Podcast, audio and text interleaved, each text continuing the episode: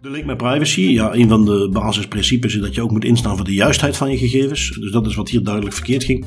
En ja, de gevolgen zijn dus, dus ongelooflijk. Uh, het voorval is van toen de jongen 7 was, ondertussen is die 13. En het is die moeder nog steeds niet gelukt om haar zoontje terug te krijgen.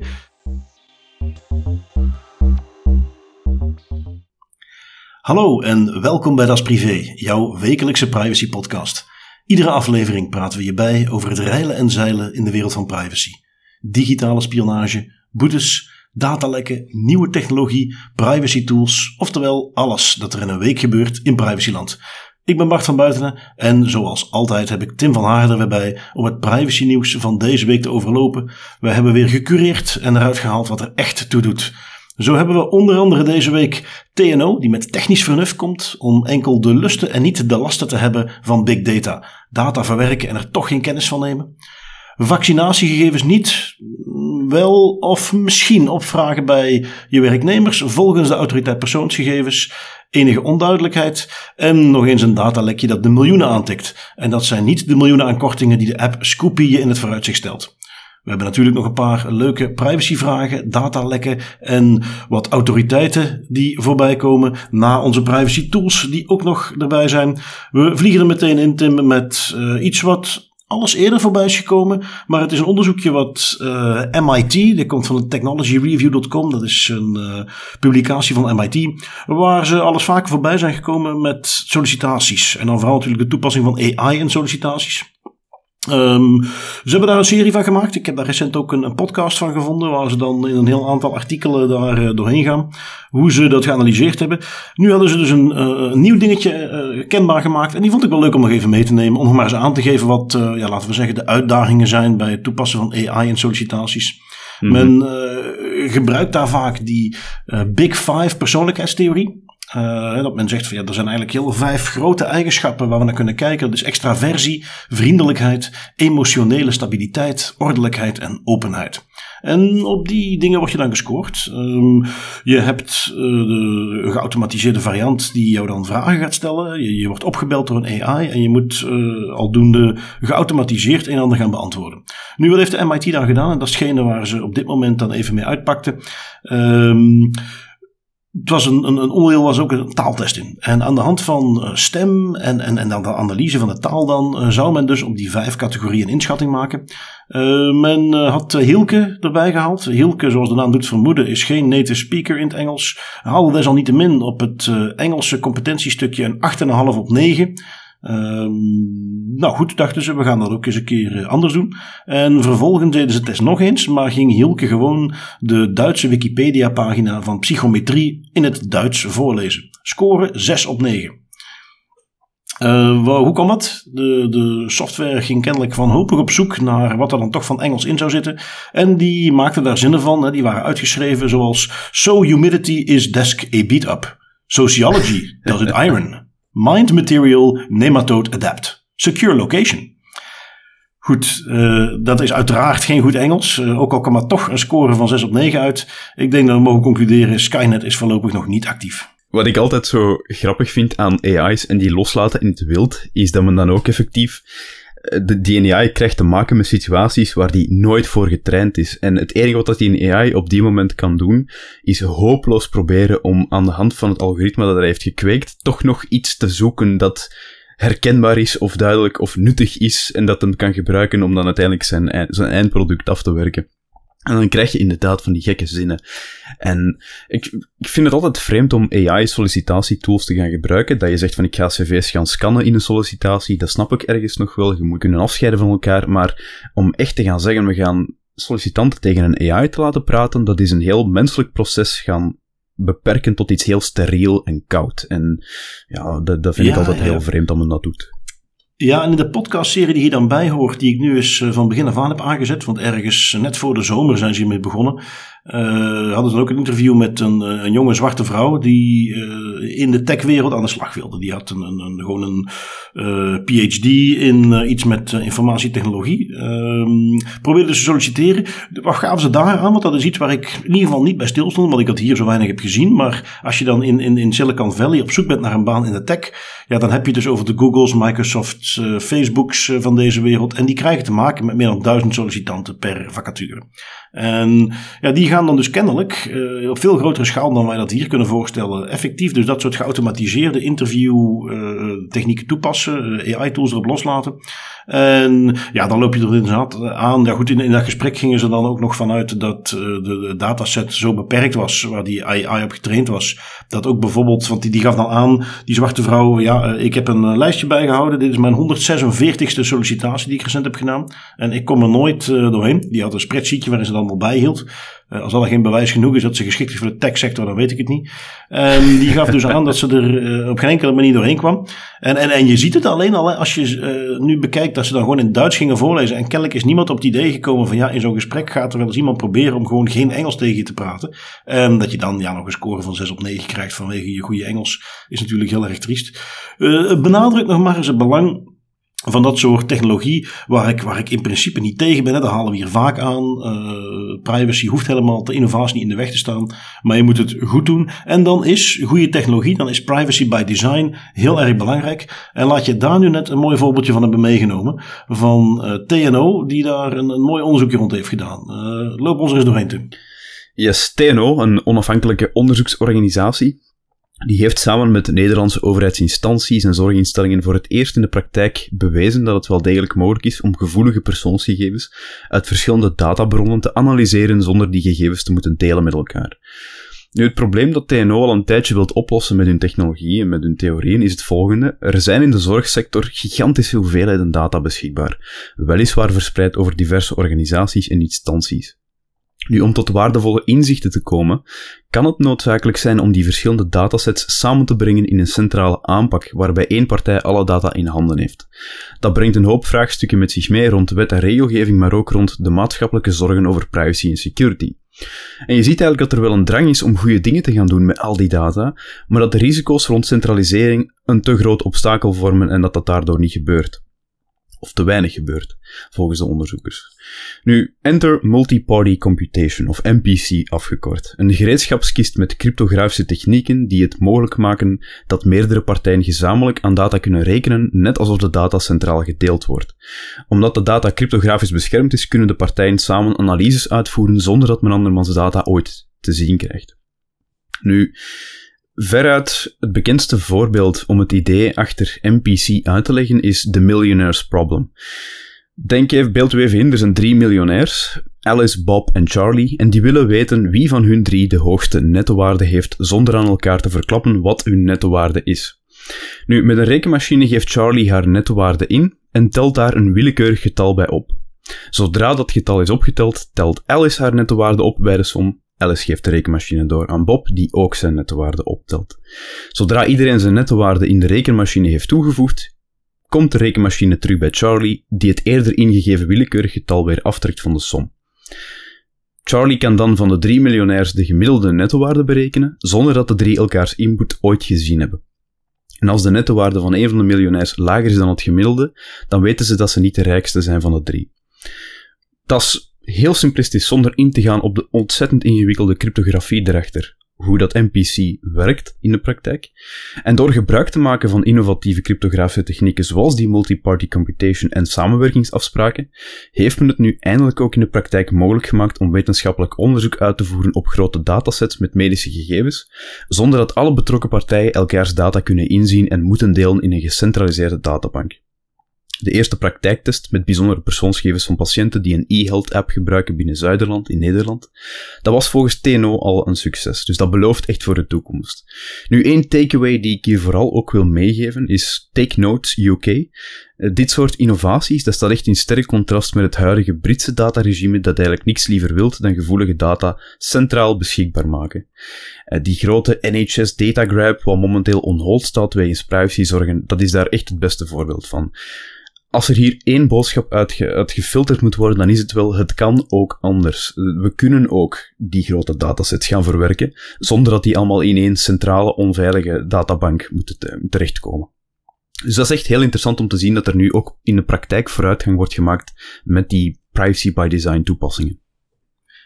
Ja, wat ik het mooie aan dit voorbeeldje vond, want de TNO was hier al, al lang mee bezig. Hè. Dit is zo'n voorbeeldje mhm. van hetgeen waar we uh, het al een paar weken geleden eerder al over hadden gehad, die uh, homomorphic encryption. En ja, het is iets waar ze dus nu het praktijkvoorbeeldje dan eens van hebben kunnen gebruiken. Dat ze zeiden van ja, we zien aan de ene kant dat het ziekenhuis heel goed weet wat, wat de, de levenspatronen zijn van mensen. Zij volgen die op, zij krijgen die informatie door. Aan de andere kant hebben we de verzekeraars die prima weten hoeveel interventies er precies zijn geweest, hoe vaak mensen zijn opgenomen, want dat hoeft niet bij dat ene ziekenhuis te zijn. Als we die twee dingen nu samen kunnen leggen, zouden we daar uit kunnen halen bij wat voor soort uh, ziektebeelden horen hoeveel opnames, wat voor soort gedrag helpt om dat tegen te gaan. En ja, in dit voorbeeldje hebben ze dus een, een, manier uitgewerkt hoe ze die twee datasets kunnen combineren zonder dat de ene van de andere weet uh, welke data eruit komt. Dus ja, uh, potentieel heel interessant. En, en, en vooral, um, dus ja, waarom het zo mooi is, zo kan het dus ook. Op die manier die data combineren, daar de waarde uithalen en toch niet een verzekeraar alle informatie geven uit de ziekenhuis of omgekeerd. Ja, meer moet het niet zijn. Precies, ja, dat is het belangrijkste. Hè. Gewoon, dat is een boodschap naar de buitenwereld om te zeggen, kijk, ja, privacy kan misschien in uw ogen, vanuit uw perspectief, een obstakel zijn om bepaalde doelen te gaan bereiken. Maar dat wil niet zeggen dat je privacy volledig moet gaan opgeven om je doel te bereiken. Hè. Er zijn genoeg manieren om dat te doen. Dit is een mooi voorbeeld van een theorie die al lang gaat. Dat is een theorie die al sinds de jaren 70, 80 rondzwerft, dat nu eindelijk ook eens in de praktijk bewezen wordt en wordt ingezet. En dat is mooi.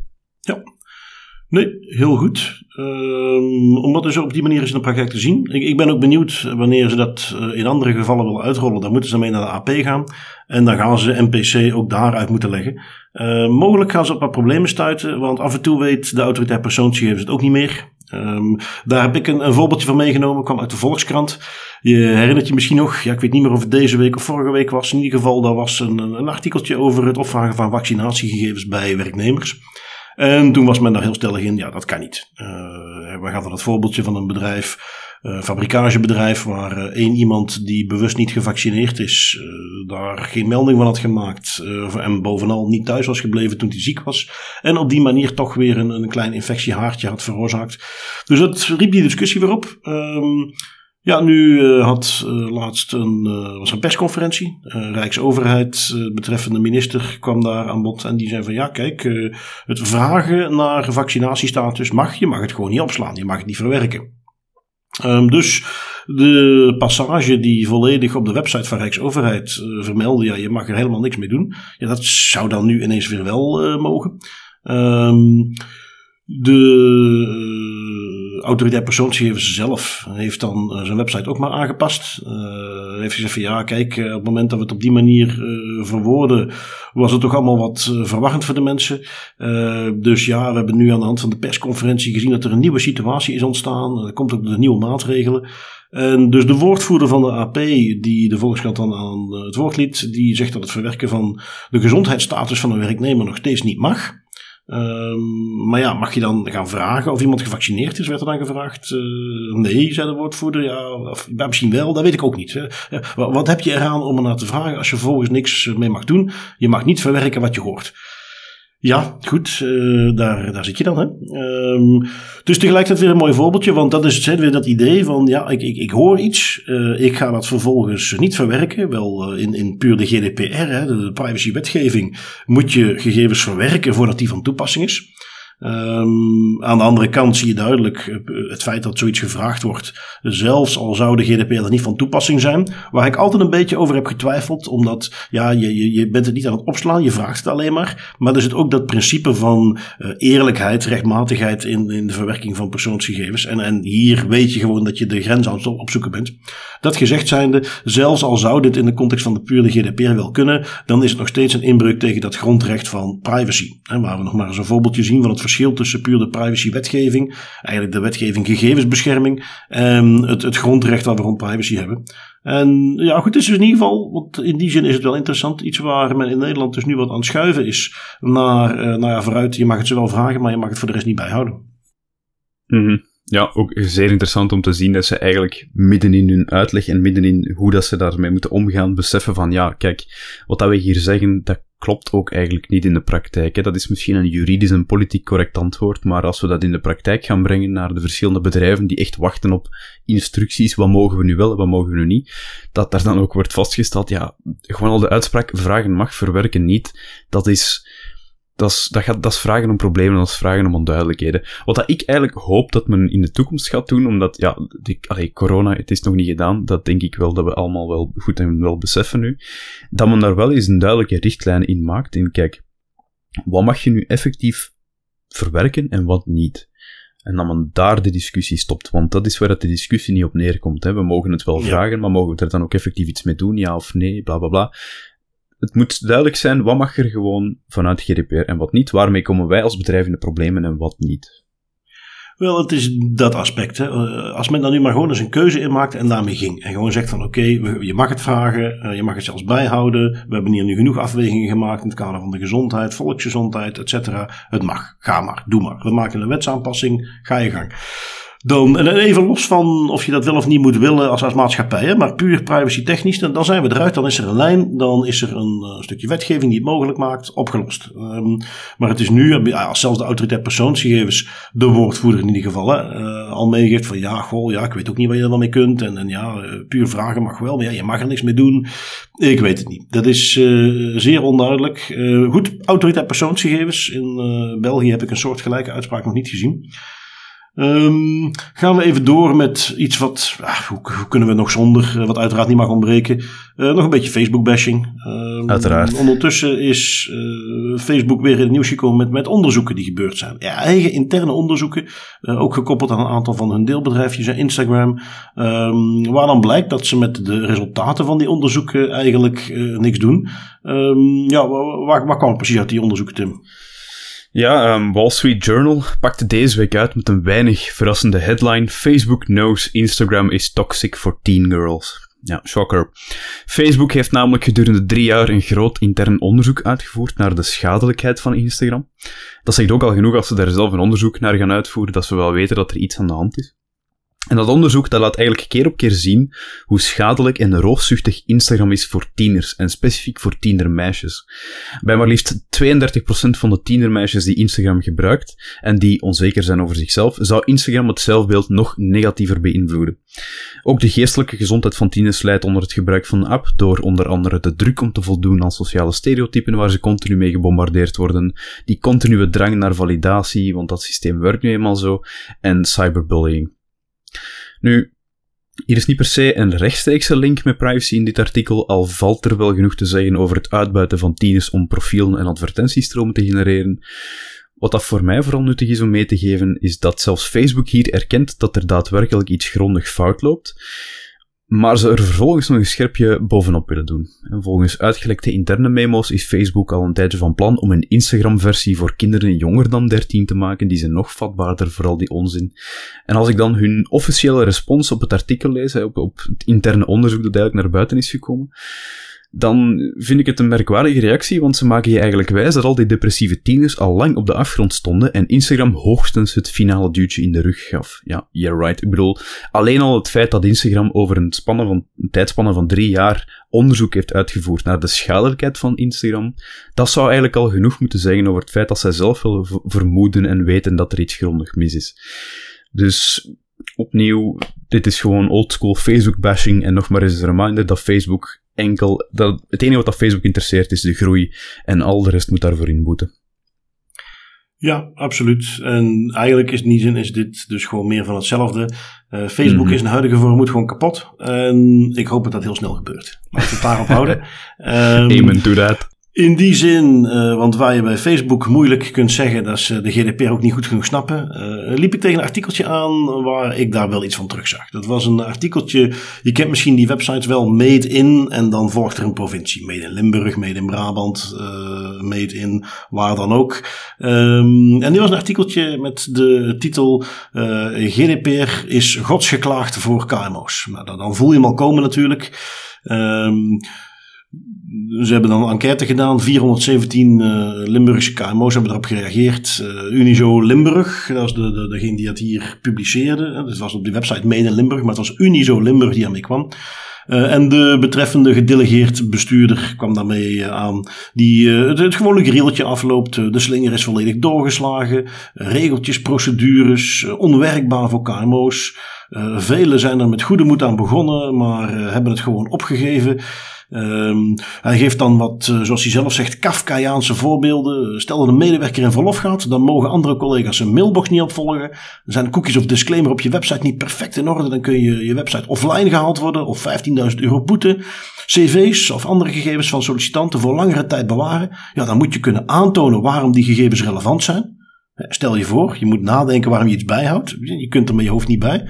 Um, ja, en dan begrijpelijk toch dat dat aan de kant geschoven wordt, zegt hij nog tenslotte. Het, het probleem is dat dezelfde regeltjes voor iedereen gelden en in elke situatie. En dat werkt niet. Uh, nou, met dat laatste heeft hij volkomen gelijk. Dat is waarom de GDPR ook niet zo in elkaar zit. Um, nu goed, behalve dan om daar een beetje over te frusten dat dat op die manier weer in het nieuws komt, dacht ik, laten we ze eventjes kort overlopen, zodat we in die zin ook even bijdragen aan het wat uit de wereld helpen van die misverstanden. Um, de eerste klassieker die voorbij kwam, mailbox tijdens vakanties, mogen lezen.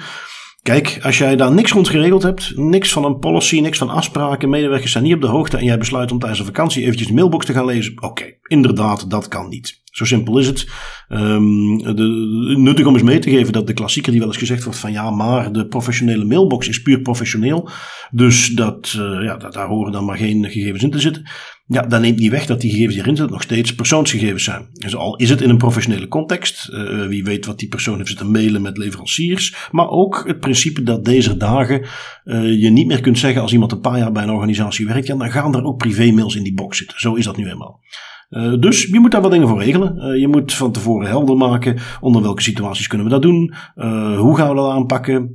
eventueel afspraken maken met werknemers dat ze weten. Maak eventjes een foldertje privé. Sleep daar dan de mailtjes heen die toch niet zakelijk zijn. En daar mogen we sowieso nooit inkomen. Dat soort praktische afspraken zijn daarvoor mogelijk. Maar misschien zelfs nog een stapje terug. En dat is wat ik vaak in een GDPR-context ook tegenkom. Het probleem is hier misschien zelfs niet uh, puur dat je die mailbox wil bekijken. Het probleem is waarom heb je niks beters geregeld dan in een vakantie iemands mailbox moeten bekijken out of office is toch echt wel een ding. Hè? Daar kan gewoon in staan wie je moet bereiken als iemand met vakantie is. Um, die betreffende medewerker zou als het even kan toch ook gewoon zijn zaakjes geregeld moeten hebben voordat hij op vakantie ging. Dus, en dan hou je over dat er, dat er hoge uitzonderingen zijn waarin het echt super dringend is dat je in die vakantie toch die mailbox kunt bekijken. En dat die medewerker pertinent weigert om eventjes zelf zijn mailbox te openen. Wel, dan heb je dus die afspraken waarbij je daar eventueel nog aan zou kunnen. Is iets wat perfect kan in de context van de GDPR. Het uh, volgende riedeltje wat voorbij kwam was dan de cookies. Uh, de disclaimer niet perfect in orde. Offline of 15.000 euro boete. Uh, ja, daar is inderdaad één voorbeeld van. we weten allemaal dat duizenden websites die cookie-wetgeving overtreden. En ik ken dus één voorbeeld waarbij de GBA daar effectief een boete van heeft opgelegd. Dat was niet zomaar een willekeurige KMO. Dat was een website die zelf bekend stond. Of in ieder geval, dat vonden ze zelf als de beste juridische website op het internet, Nederlandstalig. Dat was, ja god, hoe heette ze? Juro of iets dergelijks, Juro.be. Uh, of Juris. In ieder geval, ja, dat is ook weer een heel andere context dan maar een doorsnee KMO. Die heeft inderdaad die boete gekregen. Uh, en voor de rest heb ik dat nergens voorbij zien komen. Dus ook dat is weer iets waar, ja, waar inderdaad een heleboel werk aan te doen valt. Men doet dat heel vaak verkeerd, maar waar de handhaving ook naar vanant is. Uh, kijken we even door die cv's van sollicitanten. En we gaan van al aan van ja, op het moment dat jij cv's jarenlang bewaart, ja, dan weten we ook wat de eerste vraag is die je stelt als je iemand op die lijst contacteert. Dan vraag je van, goh, uh, kun je ons eens een recent cv sturen? Want ja, dat is al jaren oud. En per definitie zijn cv's nu helemaal maar een beperkte tijd relevant. Neem niet weg dat, hè, zoals daar geformuleerd werd, uh, ja, wij, wij moeten aan kunnen tonen waarom we iets bewaren. Ja, ik denk dat je dat voor alles doet. Je zit niet zomaar iets te bewaren of die persoonsgegevens zijn of niet. Dus ja, daar vond ik ook weer dat dat uh, niet heel erg zinvol was. Uh, dat idee ook van het probleem is dat dezelfde regeltjes voor iedereen gelden in elke situatie. Ja, dat is absoluut niet waar. Heel simpel, dat, dat is echt zeer duidelijke fout. Uh, de GDPR staat in die zin vol met fraseringen zoals, misschien niet in de meest toegankelijke taal geschreven, maar daar staat al zoiets als van ja, we moeten, de maatregelen die je moet nemen is in functie van de context, de aard, de omvang van de verwerking en de risico's die ermee samenhangen voor de rechten en vrijheden van de betrokkenen. Nou, dat is een hele mooie zin om te zeggen, het hangt er vanaf. Dat, dat is het standaard antwoord wat je ook van privacy professionals hoort op een vraag. Tja, dat hangt er vanaf. Wat al maar eens aangeeft, niet in iedere situatie moet je het zelf doen. Ten slotte, wat dan verderop nog in het artikel stond, is uh, dat men aangaf van ja, ja, en in deze tijden van corona hebben we wel andere dingen aan ons hoofd. Ergens natuurlijk ontzettend slap. Uh, in die zin dat GDPR al sinds 2018, mei 2018, in voege trad. En we dus een kleine twee jaar voor corona zaten. Uh, laten we wel zijn, een organisatie die er in die twee jaar nog niet mee bezig waren geweest, gingen dat inderdaad tijdens corona ook niet doen. Um, maar ja, tegelijkertijd, in coronatijden zijn er nog steeds ook gewoon btw-aangiftes ingediend. Werd er gewoon de boekhouding bijgehouden. Was veiligheid op de werf nog steeds een ding. Uh, ja, dan is dat iets wat dus ook rond GDPR gewoon zou kunnen zijn. Um, dus ja, tot zover eventjes uh, kort uitleggen wat daar verkeerd aan was in, in hoe men dat zo bekeek. Uh, mocht er iemand luisteren van Unizo Limburg uh, ik stel voor dat je de mensen wat naar Das Privé laat luisteren. En wij willen altijd graag meewerken aan een klein beetje awareness. Uh, het is niet perfect. Er is van alles aan te merken op die wetgeving. Maar de dingen die in het artikeltje stonden, nee, sorry, daar kunnen we makkelijk omheen. Ja, wat mij wel opvalt hieraan, en al die statements en een beetje GDPR-bashing is, het lijkt wel alsof men heel veel inspiratie haalt uit wat er momenteel gaande is in Brittannië. De, er, wordt, er worden altijd dezelfde dingen aangehaald. We mogen geen data meer inzien. De kleine KMO leidt eronder. De GDPR-wetgeving is te breed. We moeten ervoor zorgen dat er meer nuance en context in komt, wat jij ook al volledig hebt ontmanteld hier net, dat dat geen argument is. En wat dan mij ook vooral opvalt bij die stellingen, is dat het hier vooral gaat over zaken die het bedrijf niet op orde heeft. En dat men dan de schuld schuift in de schoenen van de GDPR en dan maar zegt van ja, maar die wetgeving maakt het ons heel erg moeilijk. Nee, zorg gewoon dat je dingen goed op orde zijn en dan bent je ook al heel hard op weg om compliant te zijn met de GDPR-wetgeving. Die, die doet daar in dat opzicht niet zo heel moeilijk in, maar het is een kwestie van een aantal basale zaken, zoals inderdaad die mailbox tijdens vakanties en zoals het bijhouden van cv's. Als je dat gewoon al op orde houdt, zonder nog maar te denken over privacy, ja, dan bent je er al bijna. Ja, en dat is het punt wat ik ook vaak aanhaal als ik met die materie bezig ben bij organisaties. Is uh, heel veel van wat hierin staat, is eigenlijk ook gezond boerenverstand. En zijn dingen die je mhm. ook puur vanuit een business perspectief van ik wil mijn zaak goed draaien, die je sowieso op orde zou willen hebben. Uh, goede contracten met mensen is iets wat je wilt. Uh, duidelijke afspraken over wat mag er wel, wat mag er niet. Ja, dat is iets wat je sowieso wilt. een beetje je data goed op orde, zodat je dingen makkelijk terug kunt vinden en weet wat je waar bewaard hebt en hoe lang je mag bewaren en waarom je het eigenlijk bewaart. Lijkt me allemaal dingen die je ook als, als zaak zijnde gewoon op orde wilt hebben. Uh, nu goed, uh, kijk, ik vind uh, ons, onze rol is dan, zodra we zo eens tegenkomen, dat we dat eventjes onderbouwd onderuit halen en uitleggen waarom het dat zo niet zit. Um, dan hopelijk kunnen we op die manier daar langzaamaan een beetje aan bouwen. Dat is toch uiteindelijk ook iets wat ik als grote doelstelling zag voor Das Privé. Dat soort informatie verspreiden. Um, kijken we dan naar iets uh, ja, wat daar wat een wat breder probleem is, waar het niet gaat om een klein KMO'tje die er niet mee in orde is. Dat is natuurlijk alles wat te maken heeft met connected cars. Um, auto's worden steeds slimmer, auto's hebben ook steeds meer chipjes en verzamelen ook steeds meer data. En jij had daar een, een leuk artikeltje van uh, tweakers.net meegenomen over ja, de rond connected cars. Ja, vooral over de datahonger van connected cars. En ja, ik vond dat een heel mooie kans om eens wat dieper in te gaan op, de, op die materie. Want het is tegenwoordig wel bijna een sport geworden om aan alle dingen een digitaal smart component te gaan hangen. Hè? Om zo toch nog meer data te gaan verzamelen die interessant kan zijn voor zowel de gebruiker, wij, als derde partij. Onder andere tv's, sporthorloges, thermostaten, boodschappenlijstjes en zo. Je kunt er tegenwoordig allemaal smart voor plakken, een appje aanlinken en dan is dat allemaal leuk en dan heeft dat een smart functie. Nu, weinig verrassend is ook dat je auto digitaliseert en data begint op te slurpen. Die connectiviteit en digitalisering van de auto's, waarmee we dagelijks rijden, betekent dat er veel meer data gegenereerd wordt door ons. En om dat allemaal wel in goede baan te leiden, publiceerde de EDPB, de European Data Protection Board, in januari 2020 al richtlijnen over hoe autofabrikanten en andere geïnteresseerde bedrijven moeten omgaan met persoonlijke data die uit die connected cars en bijhorende mobiliteit apps vloeit. Nu, die richtlijnen, los van het feit dat dat heel interessant is om om eens te gaan kijken naar hoe dat je dat best kan gaan, gaan implementeren. Dat geeft je ook een goed idee van wat voor een soort datavergaring in de praktijk wordt toegepast momenteel. Eh, onder deze richtlijnen valt informatie als motor, rijgedrag en locatiedata, maar ook biometrische data. Auto's gebruiken namelijk steeds vaker data als oogbeweging en hartslag om de bestuurder te kunnen identificeren of om de alertheid van de bestuurder te kunnen meten. En als je nu denkt van ja, dat is misschien iets van de laatste twee, drie jaar, dat deed onder andere de Mercedes S-klasse al sinds 2009 met de Attention Assist Technology om de alertheid van de bestuurder te meten. Dus dat is niets nieuw, dat is iets dat al heel lang bezig is. Ver voordat de GDPR er nog maar was. Nu, de praktijk die leert ons ook dat ondertussen autofabrikanten die gebruikersdata tegen bestuurders kunnen gebruiken. Zo kloegen twee bestuurders van Tesla's de autofabrikant aan omdat de aandrijfassen te frequent aan vervanging toe waren. Tesla ging dan in tegen die klacht met de data van de twee voertuigen zelf. Ze vergeleken die logdata van de twee auto's met 12 willekeurige Tesla's van hetzelfde model. Ze kunnen al die data gewoon inzien. En hun conclusie was simpel, wel, die twee bestuurders die gaven tot zes en vijf keer vaker plankgas dan andere bestuurders. Oké, rechter gaf Tesla gelijk, klacht in de vuilbak. Ja, dan wordt het wel heel realistisch om te gaan nadenken van ja, zijn hier wel enkele privacy concerns aan verbonden? Ja, mogen die zomaar al die data gaan inzien en gebruiken tegen gebruikers, daar valt stevig over te discussiëren. En dat mag ook wel eens gebeuren, vind ik, die discussie. Als we daar een Das Privé, Das Beter type aan mogen plakken, als je een wagen koopt, ga dan zeker eens kijken in de privacy-instellingen van het dashboard. En zeker als het een tweedehandswagen is, check dan dat de toestemming aan of afgevinkt staan zoals jij dat wil. Vaak het risico met een tweedehandswagen is dat er iemand al in die privacy-instellingen heeft zitten morrelen, dat die niet helemaal staan zoals dat jij dat wilt, en dat je niet eens zou weten dat die data gedeeld wordt met derde partijen. Ja, en het is de klassieker. Als je wel eens een, huurauto hebt gehad en je maakt verbinding met de Bluetooth, dan uh, zie je dat de vorige nog al zijn contacten erin heeft laten staan. Of dat de, de uh, voorgebelde nummers er nog in staan. Tegenwoordig kun je zelfs ook je berichtjes laten synchroniseren bij de wat nieuwere auto's. Um, het alternatief is natuurlijk een tweedehands auto nemen waar al dat soort smart dingen nog niet in zitten. Uh, ik moet toegeven dat ik daarvoor iets te veel van een leuke auto hou om dat te doen.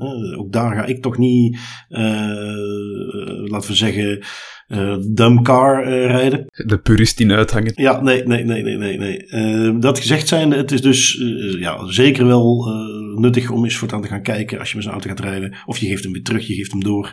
wat kunnen we allemaal aan data eruit halen? En daar was dit artikeltje een mooi, mooi voorbeeldje van. Um, was serieuzer, wat, wat steviger, want dit was er eentje toen ik die voorbij zag komen. Uh, daar had echt al een beetje mijn uh, holy shit gebeurt dit echt momentje van de dag op dat moment. Iets waar ik echt even eh, stil van werd. Um, men haalde een beschreven situatie. Het komt van RTV Utrecht. Dat is een lokale uh, tv-zender in de regio Utrecht. Die haalde het, uh, de situatie aan van een, ja, wat een Samen Veilig Thuis heet. Een soort kinderbeschermingsorganisatie in Nederland. En die benoemde de casus van Yvonne. En Yvonne uh, had een zoontje. Uh, daar waren wat, ja, wat problemen mee. Daar was een psycholoog aan te pas gekomen. En tijdens een van de vele vergaderingen bij Samen Veilig Thuis, waar men de casus overloopt en kijkt waar er iets moet gebeuren, uh, kwam ook die zaak van Yvonne voorbij.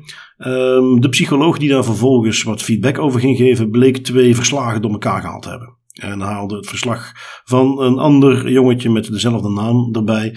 Uh, daar bleken wat meer dingen aan de hand te zijn dan bij Yvonne. Uh, op, op zo'n manier veel dingen dat naar aanleiding van dat gesprek er besloten werd om die jongen uit huis te gaan plaatsen. Um, de link met privacy, ja, een van de basisprincipes is dat je ook moet instaan voor de juistheid van je gegevens. Dus dat is wat hier duidelijk verkeerd ging. En ja, de gevolgen zijn dus, dus ongelooflijk. Uh, het, voorval is van toen de jongen 7 was, ondertussen is die 13. En het is die moeder nog steeds niet gelukt om uh, haar zoontje terug te krijgen. Van alle, terwijl ondertussen al lang duidelijk is dat er een, een verwarring is geweest. Uh, van alle stress is die de baan kwijtgeraakt en zit hij nu in een situatie die waarschijnlijk ervoor gezorgd heeft dat ze inderdaad er zo niet terug kan krijgen. Dus uh, als je het hebt over uh, Kafkaans voorzieningen, situaties, dan is het dit wel. En ja, dat is iets waar als ik me daar eventjes probeerde me in te verplaatsen, waar ik als vader toch even stil van werd. Het zal je maar gebeuren dat je door zo'n rotzooi van een psycholoog die zijn papiertjes niet goed op orde had, al zes jaar lang je kind kwijt bent. Ja, dat is hallucinant en traumatiserend voor alle partijen, zowel voor dat zoontje dat eigenlijk volledig uit een situatie wordt geplukt en ergens wordt geplaatst, als ook ja, die moeder, zoals je zelf al aangeeft, kapot van de stress, nog altijd ook haar kind niet terug. Dat is gewoon verbazingwekkend. En het onderstreept nog maar eens dat het belang van, van gegevensbescherming ook daar. Zoals jij ook al aangaf, juistheid is een van de basisprincipes van de GDPR-wetgeving voor een hele goede reden, net om dit soort absurde scenario's te voorkomen. Ik moet meteen ook denken aan, we hebben er nog zo'n paar gehad, de toeslagenaffaire in Nederland. Wat ook al, dat is ook al een tijdje geleden ondertussen. Daar was ook van alles mis met de data. En daar waren ook, zijn ook nu nog altijd gezinnen getroffen door verkeerd geplaatste data. Ja, dat is ook dat is niet per se privacy, maar dat is vooral gegevensbescherming. Daarom is dat ook heel belangrijk. Niet alleen het beschermen van die data en het beschermen van de privacy van de betrokkenen, maar ook ervoor zorgen dat als er nu effectief iets met die data gebeurt, als die verwerkt wordt, dat op een manier gebeurt dat er niks onjuist gebeurt, dat er geen slechte of foute conclusies worden getrokken bij mensen die er helemaal niks mee te maken hebben. Dat is ook cruciaal, dat is ook privacy en gegevensbescherming. Ja, dat, dat gaven ze ook aan, uh, verwijzing, verwijzing naar die toeslagenaffaire waar, uh, om het heel simpel te zeggen, onterecht de Belastingdienst allerlei geld, en dan hebben we het over 50, 60, 70.000 euro, terug ging vorderen bij uh, bijstandsgezinnen, mensen die op leefloon zaten, die dat natuurlijk niet konden betalen, die daarom in extreme armoede verzeld raken en waar dus de kinderen in die context ook weer uit huis werden gehaald. Dat is iets waar eh, de, de, betreffende onderzoekers, daar ging dan weer een artikeltje uit de Volkskrant waar ze daar wat op ingingen, die gaven aan dat uh, ze vermoeden dat er in die context honderden kinderen uit huis geplaatst zijn. Um, en, en iets wat echt plausibel is, omdat kinderen die in extreme armoede terechtkomen en waar al iets van dat soort begeleiding is, ja, die worden geacht om niet in een veilige omgeving te kunnen opgroeien vanwege die armoede, die ze dus door de Belastingdienst ten onrechte is aangedaan omdat die met allerlei fancy rekenmethodes, uh, waarschijnlijk ook een snuifje AI-magie, uh, de dingen op die verkeerd ging berekenen. Dus ja, ik, ik kan me geen uh, groter onrecht bedenken dan op die manier erbij gelapt te worden. Waarbij ik niet wil zeggen, want dan ga je eigenlijk in dezelfde val trappen als we moeten alle innovatie tegenhouden. Dit soort technologie toepassen, op zich geen probleem mee, maar dat is zo'n keyword wat je nu vaak hoort. algoritmische transparantie.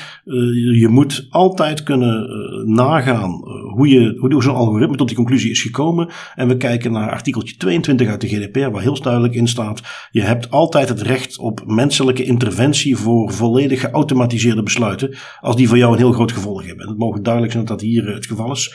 Dus uh, ja, iets waar hopelijk, laten we het dan op die manier maar afsluiten met iets, iets positiefs. Dit soort situaties bij iedereen als een bom ingeslagen zijn en dat ze ervoor gaan zorgen dat dit niet meer voor kan komen.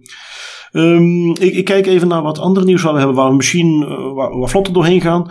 Um, Apple patcht een paar zero days. Zero days, oftewel het soort kwetsbaarheden die men niet kende, maar waar men wel van een melding binnenkreeg en die dus zo snel mogelijk wil aanpassen. Dit waren voorbeelden die ook al effectief uh, misbruikt waren. De NSO Group is hier al vaak voorbij gekomen. Wel, die maakte onder andere gebruik van deze kwetsbaarheden. is dus iets wat Apple meteen gepatcht heeft. We hebben het ook op, op onze Twitter kwam het even voorbij uh, om te patchen. Uh, goed, het is niet omdat je niet verwacht dat je doelwit bent van NSO Group, dat het daarom niet nodig is om even te patchen. Het kan ook geen kwaad en is ook iets wat ik zelf uh, zeker meteen heb gedaan. Dus belangrijk om dat even te doen als je Apple devices gebruikt. Um, overigens hetzelfde geldt ook voor Google Chrome recent, dacht ik. Hè, dus daar mag ook eventjes een updateje van geïnstalleerd worden. Um, even zien, je had nog iets meegenomen van uh, Visa. Die gaat stoppen met uh, data verkopen. Ja, merkwaardig eigenlijk. Hè? Onder de naam Visa Ad Solutions kregen adverteerders toegang tot aankoopinformatie uit het enorme klantenbestand van Visa, dat een marktaandeel van ongeveer 60% van de credit- en debitkaartgebruikers bezit. Dat werd dan geaggregeerd volgens anonieme consumentensegmenten zoals Big Spender, nieuwe verhuizers en smartphone early adopters. En ze stoppen ermee. Om een tot nu toe onbekende reden heeft Visa aangekondigd te stoppen met Visa Ad Solutions. Uh, mijn ja, optimistisch brein zegt dan toch eindelijk het privacylicht gezien wie weet, misschien rebranding. Ik zie Bart al nee knikken. Ik vrees er ook misschien een klein beetje voor. Maar hey, nee, wel, omdat ik hier, hier weet ik zeker dat het niet zo is. Omdat ik, ik heb het even opgezocht en uh, bleek op andere plekken al terug te vinden. Ze gaan stoppen met die gegevens op deze manier te verkopen. Maar oh, op allerlei andere manieren zijn die gegevens nog wel degelijk beschikbaar. Het is gewoon deze, laten we zeggen, deze solution uh, van Visa waar ze mee stoppen. Dus helaas, helaas. Ah, jammer. En ik dacht hier net eventjes te kunnen zeggen van yes, ze hebben eindelijk het licht gezien. Ja, nee, z'n allen naar Visa. Ja, inderdaad. Nee, niets is minder waard. De dystopie blijft nog altijd gaan. Dus ze gaan gewoon een of andere rebranding doen en het op een andere manier als een solution aanbieden. Alright. Dat is nog eens een, uh, een businessmodel waar je ook Apple een beetje voor kunt zijn. Hè? Die proberen zoiets al een beetje te doen met uh, de Apple Card, maar die is hier nog niet. Een uh, kredietmaatschappij, of nou nee, niet kredietmaatschappij, maar een, een, een, bank of iemand die betaaldiensten aanbiedt. Iets wat nu kan. Je moet niet meer per se een bank zijn om betaaldiensten aan te kunnen bieden. Met als unique mm -hmm. selling point, wij doen niks met je data. En dan mag het van mij zelfs net een paar euro's duurder zijn dan een gewone bank. Uh, dat is nou iets waar ik zeker wel interesse in zou hebben. Nee, wij gaan niet dingen analyseren. Wij gaan je geen gepersonaliseerde advertenties geven. Wij gaan je gegevens van je transacties niet doorverkopen. Dat is iets uh, waar ik nou wel voor te vinden zou zijn. Ja, um, interessant. Even zien. We hebben Microsoft die iets gaat toepassen wat al een tijdje in de sterren geschreven stond. Um, wat iets breder uitgemeten wordt in een heleboel pers dan ik eigenlijk terecht vind. Uh, artikelen in de zin van uh, Microsoft laat mensen voortaan zonder wachtwoord inloggen. Uh, ja, met dus de kanttekening dat het dan misschien geen wachtwoord is, maar dat er wel een ander uh, authenticatiesysteem gebruikt wordt. Um, de context is dat uh, je voortaan bij Microsoft onder andere in een tablet of een, een Surface ook met gezichtsherkenning in moet kunnen loggen. En dan hoef je helemaal geen wachtwoord meer te hebben. hetzelfde zal andere biometrische dingen zoals een vingerafdruk. Um, ik ben benieuwd hoe dat in de praktijk zit. In die zin, uh, ik, ik kan het zelf niet testen. Ik heb niks waar ik uh, van Microsoft op die manier kan of moet inloggen. Maar ik heb toch op een heleboel plekken gebruik ik ook een vingerafdruk om in te loggen. Ja, maar op de plek waarop iedereen het bijna tegenwoordig doet op de telefoon. Maar ik ben toch verdraaid blij dat er ook nog gewoon een code zit die ik in mag geven. Want als mijn vingers toevallig eens een keer iets te koud zijn, dan snapt hij het dan niet. En dan is het toch fijn dat ik die code nog in kan geven. Dus helemaal zonder zoiets hoeft voor mij ook nog niet. Nee, nee, dat is. Uh, ik denk dat we daar nog niet ver genoeg voor zijn. Die technologie staat daar nog niet ver genoeg voor. Inderdaad, zoals je al zegt, hè, als je vinger te koud is of, of uh, is vuil of zo, ja, dan kun je het al vergeten. En dat is dan nog altijd handig dat je snel een code kan intypen. Dus uh, ik ben vooral benieuwd hoe dat ze dat gaan doen. Ja, ja, maar het, het, zal dus waarschijnlijk betekenen dat ze op wat meer plekken dan anders die mogelijkheden gaan bieden om het zonder wachtwoord te doen. Zeker niks mis mee op zich. Um, mm-hmm. Even zien, jij hebt nog een uh, security.nl meegenomen, Tim. Ja, die mag natuurlijk niet ontbreken in een aflevering van Das Privé. Uh, waar ging het hier over? Ja, weet je nog dat we het hadden over Nederlandse gemeenten die zonder wettelijke basis burgers volgen op sociale media, vaak met nepaccounts nog? Wel, de Nederlandse overheid die heeft ons gehoord en komt later dit jaar nog met een flinke dosis bewustwording in de vorm van een rijksbrede uitleg om burgers, en ik quote, AVG-proof te monitoren. Ik ben heel benieuwd wat een AVG-proof betekent. Ik ben altijd zo uh, vreemd om dat zo te benoemen. Wat ik daar eigenlijk van verwacht is gewoon een PowerPoint met één grote slide waarop in drukletter staat stop maar. En er is veel mogelijk binnen de grenzen van de wetgeving. Maar er is een hele goede reden dat het monitoren van een publieke ruimte, social media, met nepaccounts geen taak is voor gemeenten momenteel. Laat dat dan ook over aan politie en inlichtingendiensten, daar zijn al privacy-risico's genoeg aan verbonden als het is. Als we dan ook nog eens gemeenten op die hoop gaan smijten, dan wordt het helemaal een boeltje, denk ik.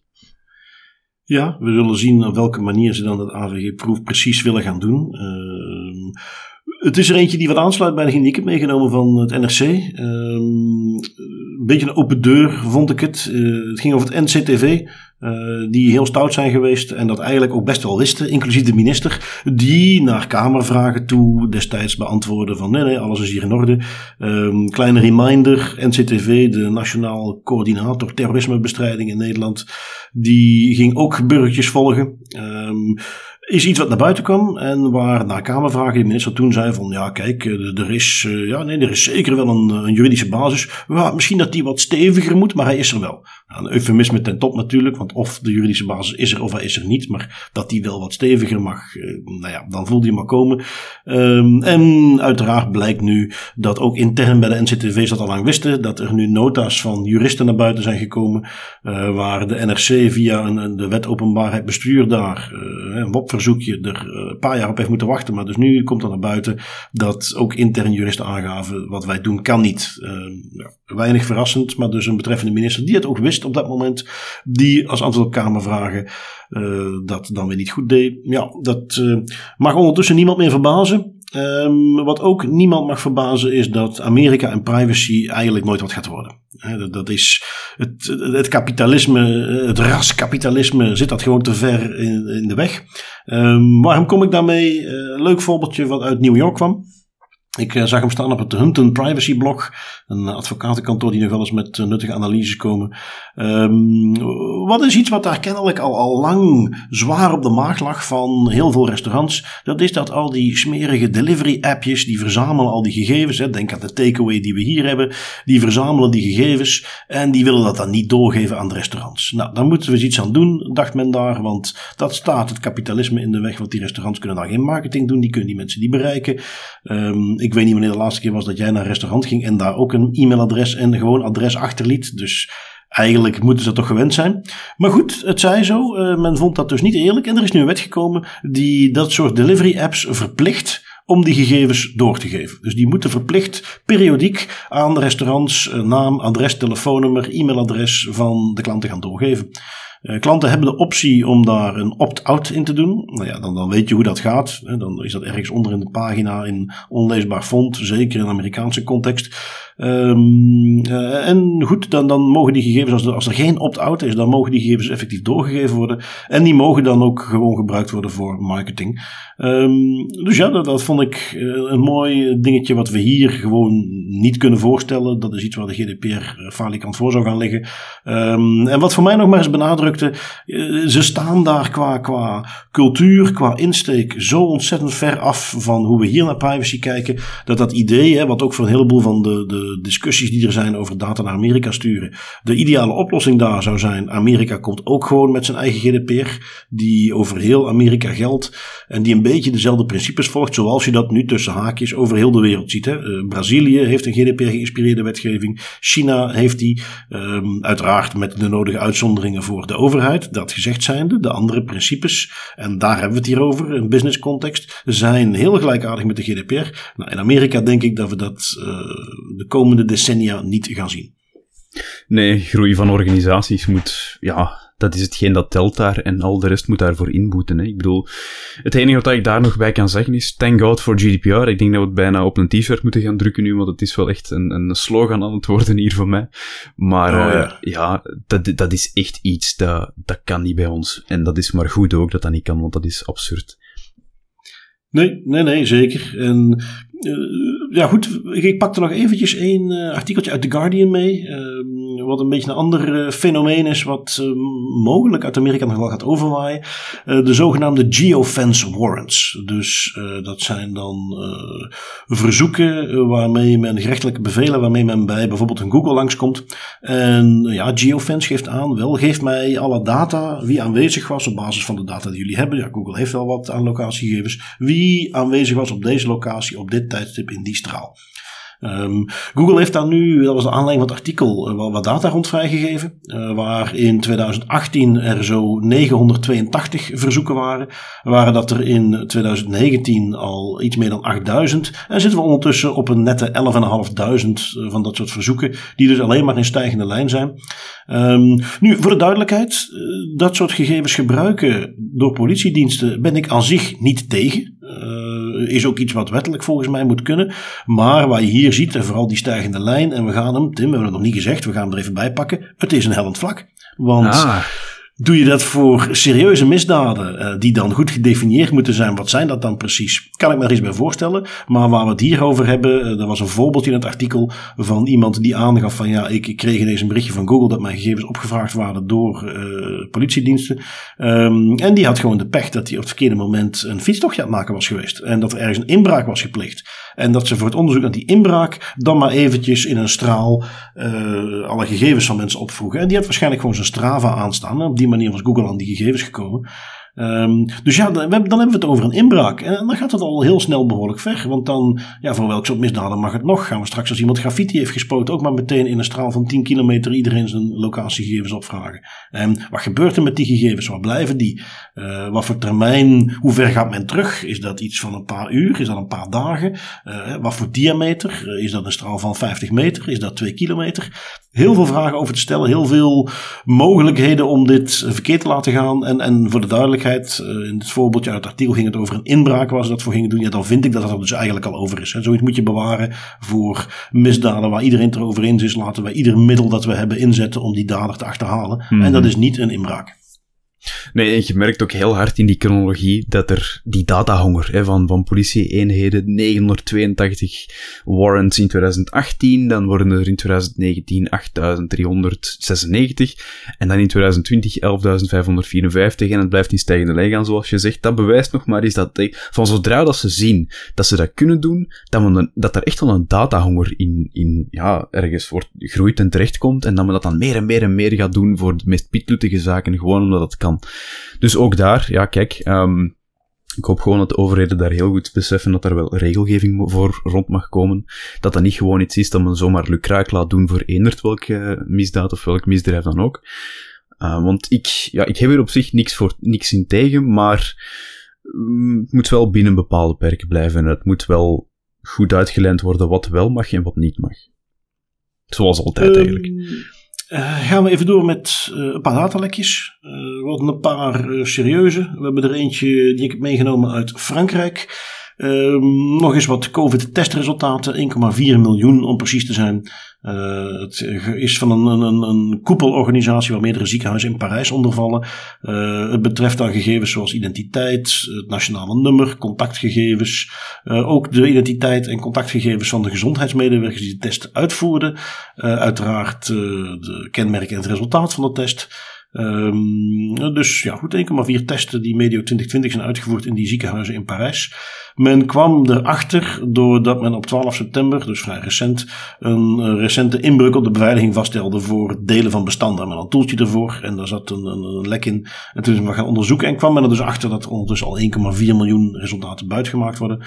Um, kan tellen, kan tellen. Maar we hebben nog een leukere uh, en wat dichter bij huis ook. Um, de kortingsapp Scoopy. Uh, heeft te maken met een uh, datalek. 2,2 miljoen records. Ik was al een beetje aan het inlezen en, en ik, ik zat me daar te bedenken toen ik dat zag. Dat we misschien eens gewoon één ding moeten afspreken met alle organisaties die in de toekomst, lees iedereen, met een datalek te maken gaat krijgen. Zet er gewoon niet meer in. Wij nemen uw beveiliging en de beveiliging van uw gegevens zeer serieus. Laat het gewoon weg. Je hebt net een datalek gehad.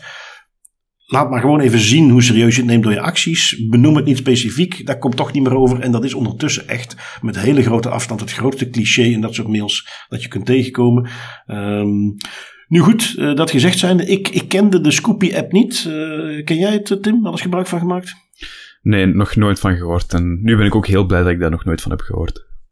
Het is volgens mij ook een, een, een louter Nederlandse app. Ik heb die hier in ieder geval nog nooit voorbij zien komen. Um, wat voor soort gegevens zijn buitgemaakt? 2,2 miljoen records. Naam, adres, woonplaats, telefoonnummer, e-mailadres, geboortedatum, kassabonnen en een, jawel, versleuteld wachtwoord en versleuteld bankrekeningnummer. Men heeft dat aan de hand nog eens nagekeken. Dat zou wel degelijk op de goede manier zijn. Nu goed, e-mailadres, telefoonnummer, geboortedatum, kassabonnen lijkt me al gevoelig Vooral die kassabonnen is leuk. En dan komen we bij, wat is Scoopy dan voor app? Um, het idee is, als je naar de website gaat, word je ook door een heel vrolijk filmpje vertelt dat je heel veel geld kunt gaan verdienen. Want je moet alleen maar de app installeren. Uh, de app is gratis en dan voel je al aan je water aan wat er nu gaat komen. Um, uh, het idee is dat je vervolgens al je kassabonnetjes gaat scannen en dan kun je cashbacks krijgen. Dan is er een korting geweest op een bepaald product en dan wordt dat teruggezet op je rekening. Um, ja, zoals we allemaal weten, uh, als het een gratis app is, dan gaat men op een andere manier wel uh, eraan komen.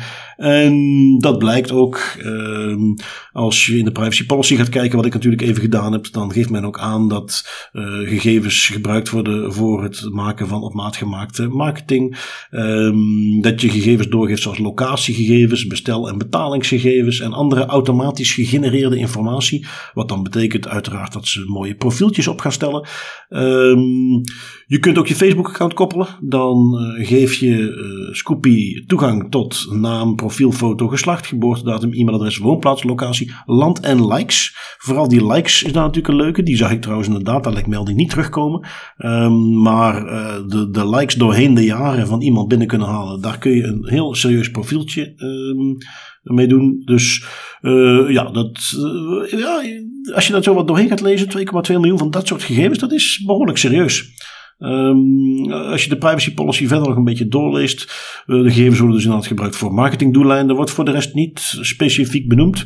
Um, om het aanbod van de dienst te personaliseren en je relevante aanbiedingen te kunnen bieden, daar zijn we al, uh, worden die gegevens ook verwerkt. En men geeft daar meteen even bij dat is iets wat standaard gebeurt. En als je daar bezwaar tegen wilt uh, aantekenen, moet je even een mailtje sturen naar privacy.scoopy.com. Uh, iets wat natuurlijk iedereen massaal gaat doen, want die lezen allemaal die privacy policy en die gaan allemaal een mailtje sturen om dat aan te geven. Uh, trouwens, een, een, een ronkende overtreding eh, van de GDPR-wetgeving zelf. Hè. Het moet net zo makkelijk zijn om uh, bezwaar te kunnen maken, toestemming in te trekken als het is om die te geven. En dat men hier de, de mogelijkheid om bezwaar te maken wegstopt in de privacy policy en dan ook nog eens alleen maar beschikbaar maakt via een, een mailtje wat je dan moet sturen. Terwijl de verwerking zelf natuurlijk zo geautomatiseerd als mogelijk is, plaatsvindt. Ja, dat kan niet. Um, dus ja, goed. Lang verhaal kort. Uh, uiteraard een app op het moment dat je die installeert. Men gaat dat soort gegevens verzamelen en die app kost niks. Dan weet je dat je het product bent. Bleek ook hier. Iets waar we waarschijnlijk niet snel zicht op gaan krijgen. Maar ik zou eigenlijk wel heel benieuwd, benieuwd zijn om eens een, kijkje achter de schermen te kunnen nemen. Wat men nu allemaal met die uh, gegevens gaat doen die men heeft buitgemaakt. Ja, ja, uh, het aantal phishing aanvallen zal volgende week misschien wel eens kunnen stijgen. Dat zal ook niet toevallig daaraan gelinkt kunnen zijn. Het is wel, als ik die, die ellenlange lijst van persoonsgegevens lees, en ook het feit dat je een Facebook-account eraan kunt koppelen, en dat het zover gaat als zelfs de likes gaan bekijken, dat is, ja, daarmee heb je genoeg om iemand perfect te profileren en perfect te weten te komen wat dat die mensen doen, wat het hun interesseert, wat dat hun niet interesseert. Ja, dus ja, een, eh, een hele serieuze. Even zien, we hebben nog wat autoriteit. You will. Om precies te zijn, jij hebt deze keer uh, twee yes. boetes meegenomen uit Italië, zowaar. Ja, eentje uit Italië toch. De Italiaanse Grante heeft verschillende boetes opgelegd, eigenlijk een waterval aan boetes, in het kader van een onderzoek naar de technische upgrade van de parkeermeters in de stad Rome. Die nieuwe diensten aanbieden zoals het betalen van parkeerboetes en betaalmethoden waarbij de kentekenplaat wordt verwerkt. En bij die modernisering van de parkeermeters koos Rome om gebruik te maken van een gecentraliseerd systeem, oh oh, dat ook via een app, oh oh, toegankelijk was voor de werknemers van de organisatie die de parkeercontrole voorzien. Nu, zowel Rome als de organisaties die zij hiervoor inschakelden, die hadden, ja, gek genoeg, nog nooit gehoord van de GDPR als ik het zo lees. Want zowat alle basale zaken, echt alles dat in die wetgeving staat, dat ontbrak aan in dit project.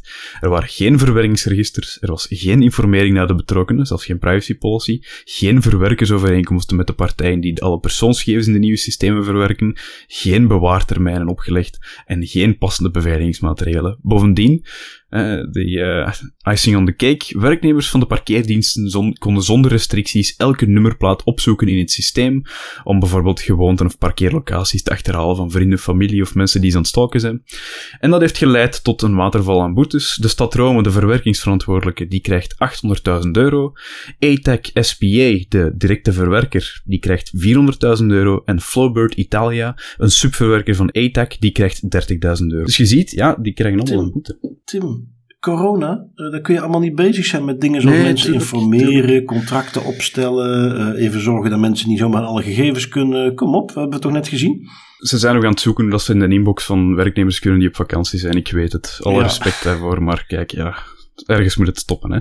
Verder uh, nog een andere boete. We blijven wel in het zuiden van Europa. 9000 euro voor het publiceren van LinkedIn-profile screenshots.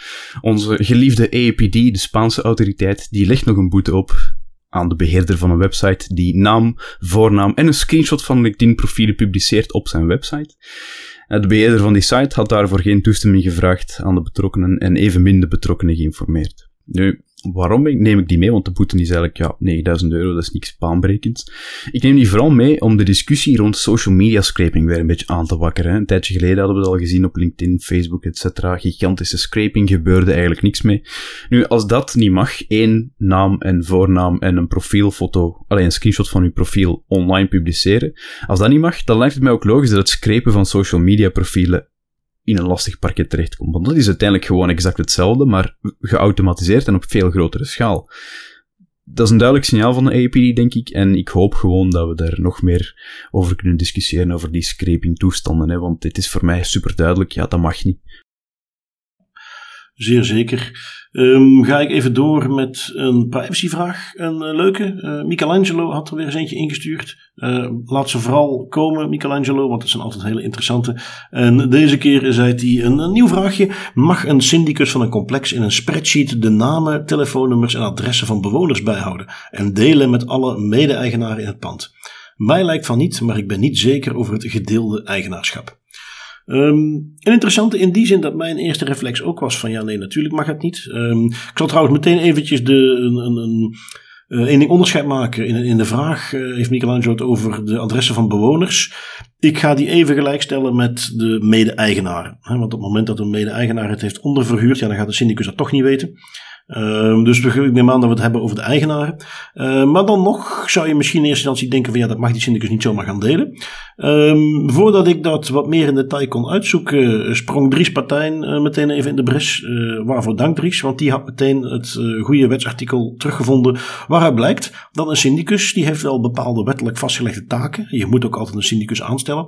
En die moet onder andere een lijst bijhouden, een, een register met het naam, adres, aandelen en de referenties van de kavels van alle mede-eigenaars. Ergens ook logisch, je bent samen gezamenlijk eigenaar van een pand. Dus in die zin is het niet vreemd dat jij mag weten wie de andere mede-eigenaren zijn, hoeveel aandelen die hebben en dat je hun adres mag hebben om eh, daarmee te kunnen communiceren als het nodig is.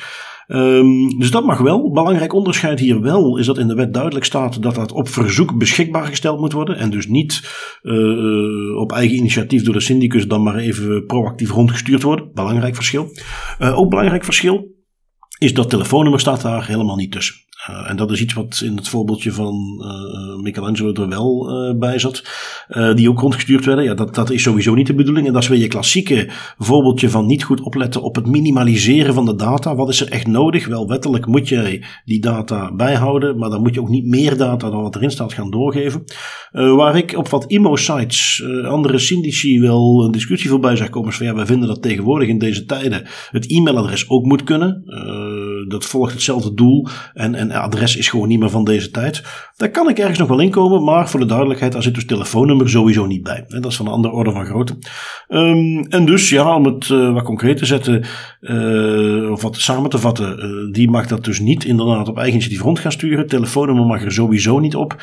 Um, wat ik hier concreet aan een syndicus zou aanraden, is dat je anders gewoon op de algemene vergadering dit als een puntje erop zet. dat even uitlegt waarom je die lijst wil doorsturen. Aangeeft op welke manier het kunnen laten weten, mensen het kunnen laten weten als ze dat niet zouden willen. En dan is dat meteen opgelost. Dan heb je hier ook geen discussie over. Dus dat lijkt mij de manier om hiermee om te gaan. Uh, maar ik vond het een leuke. Uh, weer zo'n mooi voorbeeldje van iets waar uh, veel mensen tegenaan lopen. En, en waar het nuttig is om eens eventjes te gaan kijken. waar vind je dat terug? En waar ik moet toegeven, als Dries daar niet mee was gekomen, had ik daar ook best wel even naar moeten zoeken. Dit was boek 3 van het burgerlijk wetboek, wat dan gaat over goederen. Daar ook niet eerste waar ik aan gedacht had. Um, maar dus een interessante, waarvoor dank Michelangelo. En ik hoop dat je hier je antwoord hebt. Um, we hebben nog een paar privacy tools. En ik moet toegeven, Tim, ik, ik dit is absoluut een privacy tool. Ik vind dit in, die zin geen cop-out, maar ik vond het wel heel vreemd dat wij die eigenlijk nog nooit de revue hebben laten passeren. Um, volgens mij is hij ooit in een verhaaltje wel eens een keer genoemd. Uh, want het is eigenlijk een heel nuttige tool. Uh, het is wel enkel van Nederlandse makelij beschikbaar, maar het principe is hetzelfde, werkt net zo goed. En de app is Copy ID. Werkt zowel op Android als op iOS. Uiteraard komt het linkje op onze site te staan bij de privacy tools. Het, uh, het appje doet iets heel simpels. Je pakt een foto van je EID en dan kun je vervolgens aangeven welke dingen wel of niet zichtbaar moeten zijn. Het is te zeggen, heel vaak vraagt men voor- en achterkant van je EID ook om het Rijksregisternummer te hebben, maar dat mag maar op een heel beperkte manier vrijgegeven worden. Ik zit nu zelf weer in zo'n discussie met een partij die voor- en achterkant wil, die eigenlijk alleen maar willen weten hoe ik heet. Uh, en dan ben ik natuurlijk weer uh, de, de, lastige persoon die daarover gaat discussiëren. Uh, die kopie-ID maakt het dus mogelijk om wat weg te strepen op die foto. En om daar meteen een soort watermerkje overheen te zetten met het doel voor de doorgifte. Dus mocht dat toch ooit in een datalek terechtkomen, staat daar heel duidelijk op waar het voor bedoeld is. En waarschijnlijk dus niet waar men het daarna voor wilt gaan gebruiken.